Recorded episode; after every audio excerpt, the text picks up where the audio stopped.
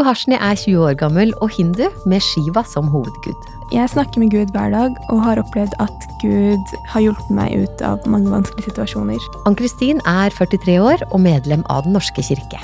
Jeg opplever Gud som en usynlig virkelighet som jeg har med meg.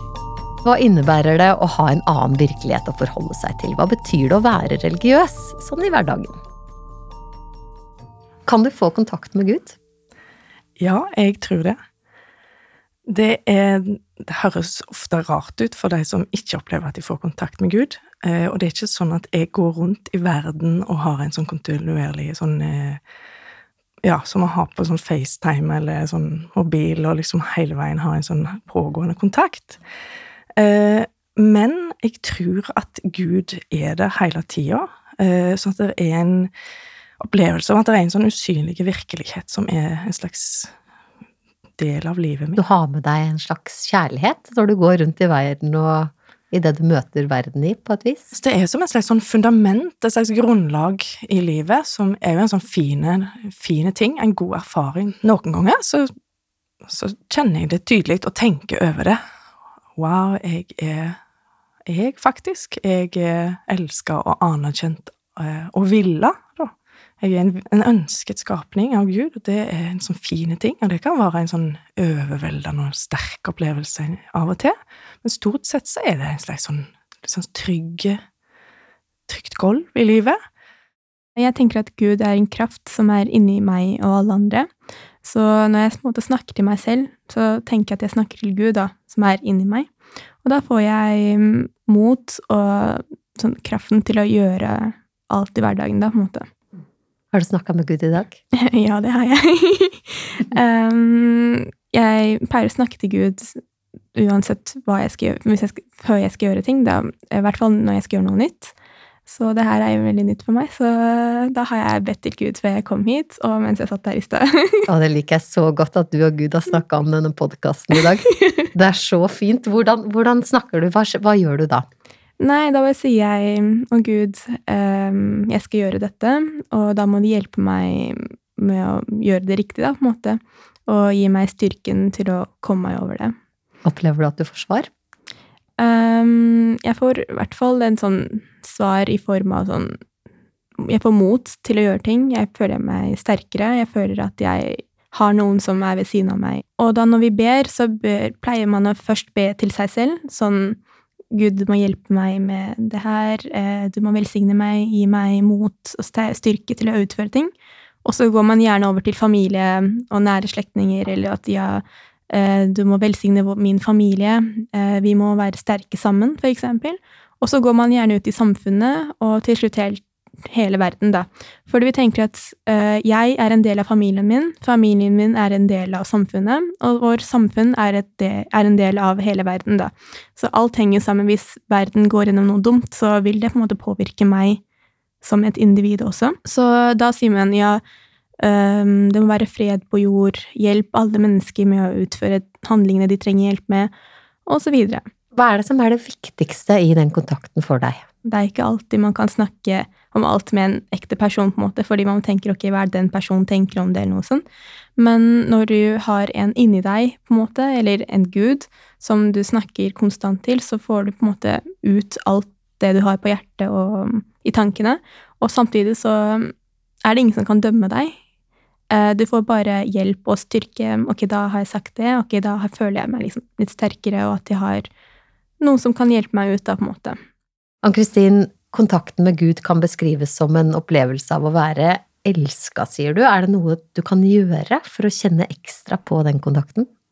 Jeg tenker at uh, stillhet, det å bli liksom falle til ro og bli stille, det er et sjakktrekk. For det Altså, hvis jeg sitter på mobilen uh, og surfer og sjekker ting, så er jeg opptatt av det. Da er, det ikke stille inni meg. Uh, og det må nok jeg være for å kunne føle det, oppleve det. Jeg har ikke opplevd den kontakten som du beskriver, og jeg syns jo at det høres uh, utrolig fint ut. Litt sånn jeg vil også ha dette her, jeg vil også ha det synet på verden, jeg vil også ha den grunnmuren inni meg, men samtidig så føles det nesten litt sånn Jeg kunne ønske at jeg hadde blå øyne, men det har jeg ikke. Jeg tenker at du er en av mange som har det sånn. jeg kan godt forstå hvordan det er å ha det sånn. Gud er en usynlig og ukjent Gud for mange. Og samtidig så eh, syns jeg det er utrolig kult sagt, sånn som eh, en som heter Paulus. Han var en gang i Aten og snakket med atenerne som møttes oppe der, på en plass som heter Areopagos, opp med Akropolis der oppe på en haug. Og der var det noen som hadde satt opp et alter som det sto til en ukjent gud. De hadde så masse guder, og så hadde de òg et alter for en ukjent gud. Og så sa Paulus at det er han jeg snakker om. Og altså, Gud er ikke langt borte fra en eneste en av oss, for det er i Han vi lever og rører oss og er til, sier han. Denne Guden omgir oss alle, og hvis jeg tror det, da, så tenker jeg at det, Gud er tilgjengelig for alle. Eh, og vi en kan søke Gud, en kan på en måte prøve å få kontakt med Gud på ulike måter. En kan enten oppsøke steder eller miljøer der, liksom, der er andre folk som gjør det, eller en kan lese bøker og på en måte Men jeg tror nok mest av alt det handler om en slags ønske, da. Jeg tror jo at Gud er der hele tida, og jeg tror at, uten at jeg vet hvordan det er for deg, så tenker jeg at eh, Gud er som en mor som står på en måte usynlig der og venter med åpne armer. Og da er, en måte, da er det ikke noe annet enn å gå imot de åpne armene. Og det kaller vi kristne for nåde. Det er Gud som venter, med, som, er, som er kjærlighet, den ytterste kjærligheten, den ytterste aksepten av oss mennesker. Venter på oss. Er det mulig å trene opp evnen til å få kontakt med Gud, eller er det bare sånn at man kan være åpen for det, så er Gud der? Hva tenker du om det? Um, vi i hinduismen sier at Gud er i alt og alle, så hvis en er åpen for det, så vil jeg tenke at da vil man skjønne hva den andre mener, da. Um, for, for, for, eksempel for andre så kan de tenke at 'å, jeg snakker med Gud når jeg er på vei til ting', eller noe sånt, at det kan være sånn rart, du bare snakker til deg selv. Men det handler om tanker og hva man selv tror. Så hvis jeg tror at jeg snakker til Gud, så da tenker jeg at jeg gjør det. Hvis den andre personen, eller hvis noen andre også tenker det samme, ok, greit, nå skal jeg snakke med Gud, og faktisk snakker, så vil det være det samme. Det er ikke noe man kan trene seg opp til. Det er bare du er Trenger ikke å bli noe bedre for å snakke med Gud, på en måte, da. Du er deg selv, og Gud godkjenner deg som den du er. På en måte, da. Ja. Så hvis jeg tenkte at nå, nå, vil jeg det, mm. så kunne jeg gjøre det, og så kunne jeg få på en måte snakke med din Gud. Ja, ja. Du, man trenger ikke noe spesielt språk eller noe sånt. Gud, som er over alt sammen, er over språk også. Han skjønner alt det du sier. Det er din tanke som gjelder da, på en måte. Er det noe spesielt du kan gjøre for at den praten skal liksom, komme tydeligere i gang, på et vis? Mm, um det, Gud, det man sier at Gud liker, er at uh, når jeg hengir meg selv til Gud Det er sånn jeg bare Jeg er din, på en måte. Bare hjelp meg, jeg er som ditt barn. Jeg trenger din hjelp, og jeg bare gir meg Som om jeg legger meg flat til Gud, da. Så føler jeg at da vil han gjøre alt for å hjelpe deg, på en måte, fordi alt Jeg bare tenker at alt er i hans hender, på en måte, da. Um, og jeg kan gjøre noe smått som gi han ofringer, gi, gi han de han liker, f.eks. blomster eller litt mat eller noe sånt. Og mm, Gud er jo egentlig overalt sammen, han trenger jo egentlig ingenting, men det bare gjør for, sånn at jeg skal føle meg lykkelig. Uh, som jeg skal takke han, da, på en måte.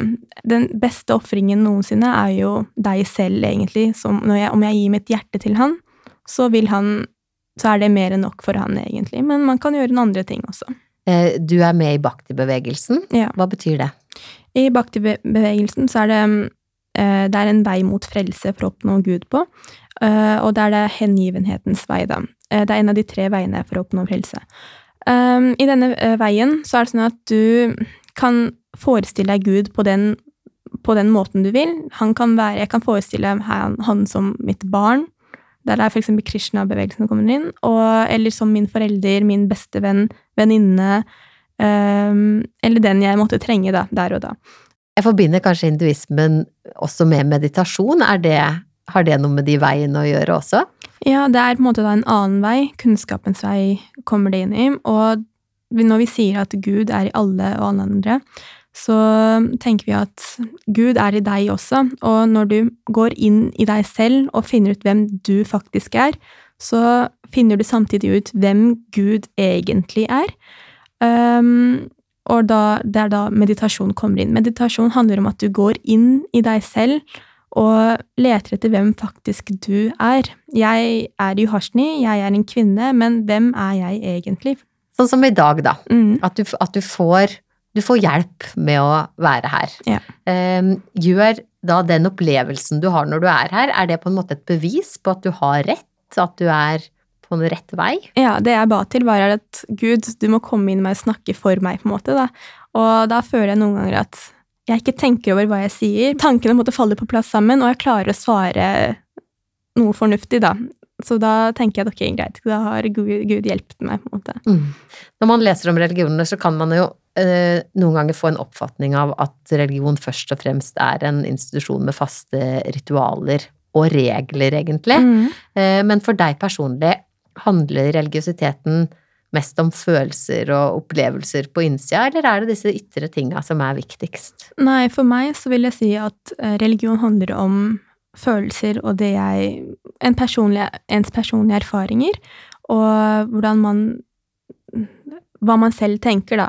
Eh, I hindismen har man egentlig ikke noe klare regler på hvordan du må være, eller hva du skal gjøre, men vi har alternativer som du kan velge selv om hva du vil følge, da. Um, men vi har 'dette bør du gjøre', 'dette kan du gjøre'. Det er mer sånn det står skrevet i hindismen. da. Du bør ikke um, drikke alkohol, eksempel. Du bør ikke skade andre. Fordi som eksempel karma, det er her det alt kommer inn, da. Det du gjør mot andre, vil du få tilbake. Og det, uansett hva du gjør, du kan gjøre noe godt, det får du tilbake. Du kan gjøre noe vondt, og da får du det tilbake. Det du stiller opp mot hverandre, det er på en måte enten ytre ritualer, eller på en måte det indre livet, da. Det som på en måte foregår på innsida. Eh, og da er det på en måte det som foregår på innsida, det er liksom slags Det er liksom ulike lag, da, kanskje, av følelser. Altså det som man kanskje kaller sånn for erkjennelse, og noe som ligger dypt som noe som du Et fundament du tror på og forholder deg. Sikkert fordi at jeg er i den lutherske tradisjonen, så tenker jeg at den erkjennelsen, den trua mitt personlige forhold til Gud, det er det sentrale.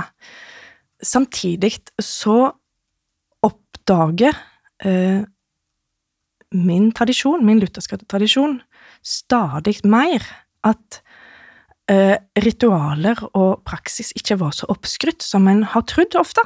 En har tenkt at det trenger vi ikke, nei, vi er fri, og vi kan variere det som vi føler, og vi har ikke plikt til å verken be så og så mange ganger til dagen, eller vi har ikke plikt til å gå i kirka og sånn, det kan vi gjøre når vi vil.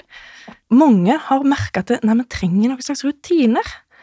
Det er jo noe som funker, altså folk i hele, altså i hele samfunnet liksom oppdager. Oppdager at kroppen er viktig, vi oppdager at rutiner er viktige, det er fint å liksom praktisere et eller annet som gir oss noe, og det oppdager eh, lutherske kristne òg. Um, og det har gjort at vi stadig har blitt mer opptatt av f.eks. tidebønner, Det er å be flere ganger til dagen, faste bønner. Bordbønn, gå til gudstjenester, liksom gjøre forskjellige ting. Og selvfølgelig så er det å, eh, å praktisere ulike for, Altså det å være opptatt av verden, da. Litt sånn aktivist. Være opptatt av eh, miljøet. Være opptatt av eh, fattigdom. Sånne ting. Eh, og en del av altså det, er ikke, det er ikke sånne konkrete, små ritualer, men det handler om på en måte handlinger i verden, da. Hvordan hadde det vært med et liv uten Gud? For meg så hadde det vært tomt. Um, jeg har helt i mitt liv hatt Gud i tankene mine, på en måte. At jeg har alltid tenkt, trodd på Gud. Og når jeg plutselig ikke skal gjøre det, så vil Det er ikke noe jeg kan klare, på en måte, da. Uh, jeg kommer til å gjøre det automatisk, det å snakke til Gud eller det å be til Gud. Det gjør jeg automatisk nå. Jeg tenker ikke over at jeg snakker til Gud når jeg gjør det lenger. Men det bare faller meg automatisk, da. Så et liv uten Gud hadde vært veldig rart for meg. Veldig tomt, og kan egentlig ikke forklare Beskrive det, da, men ja.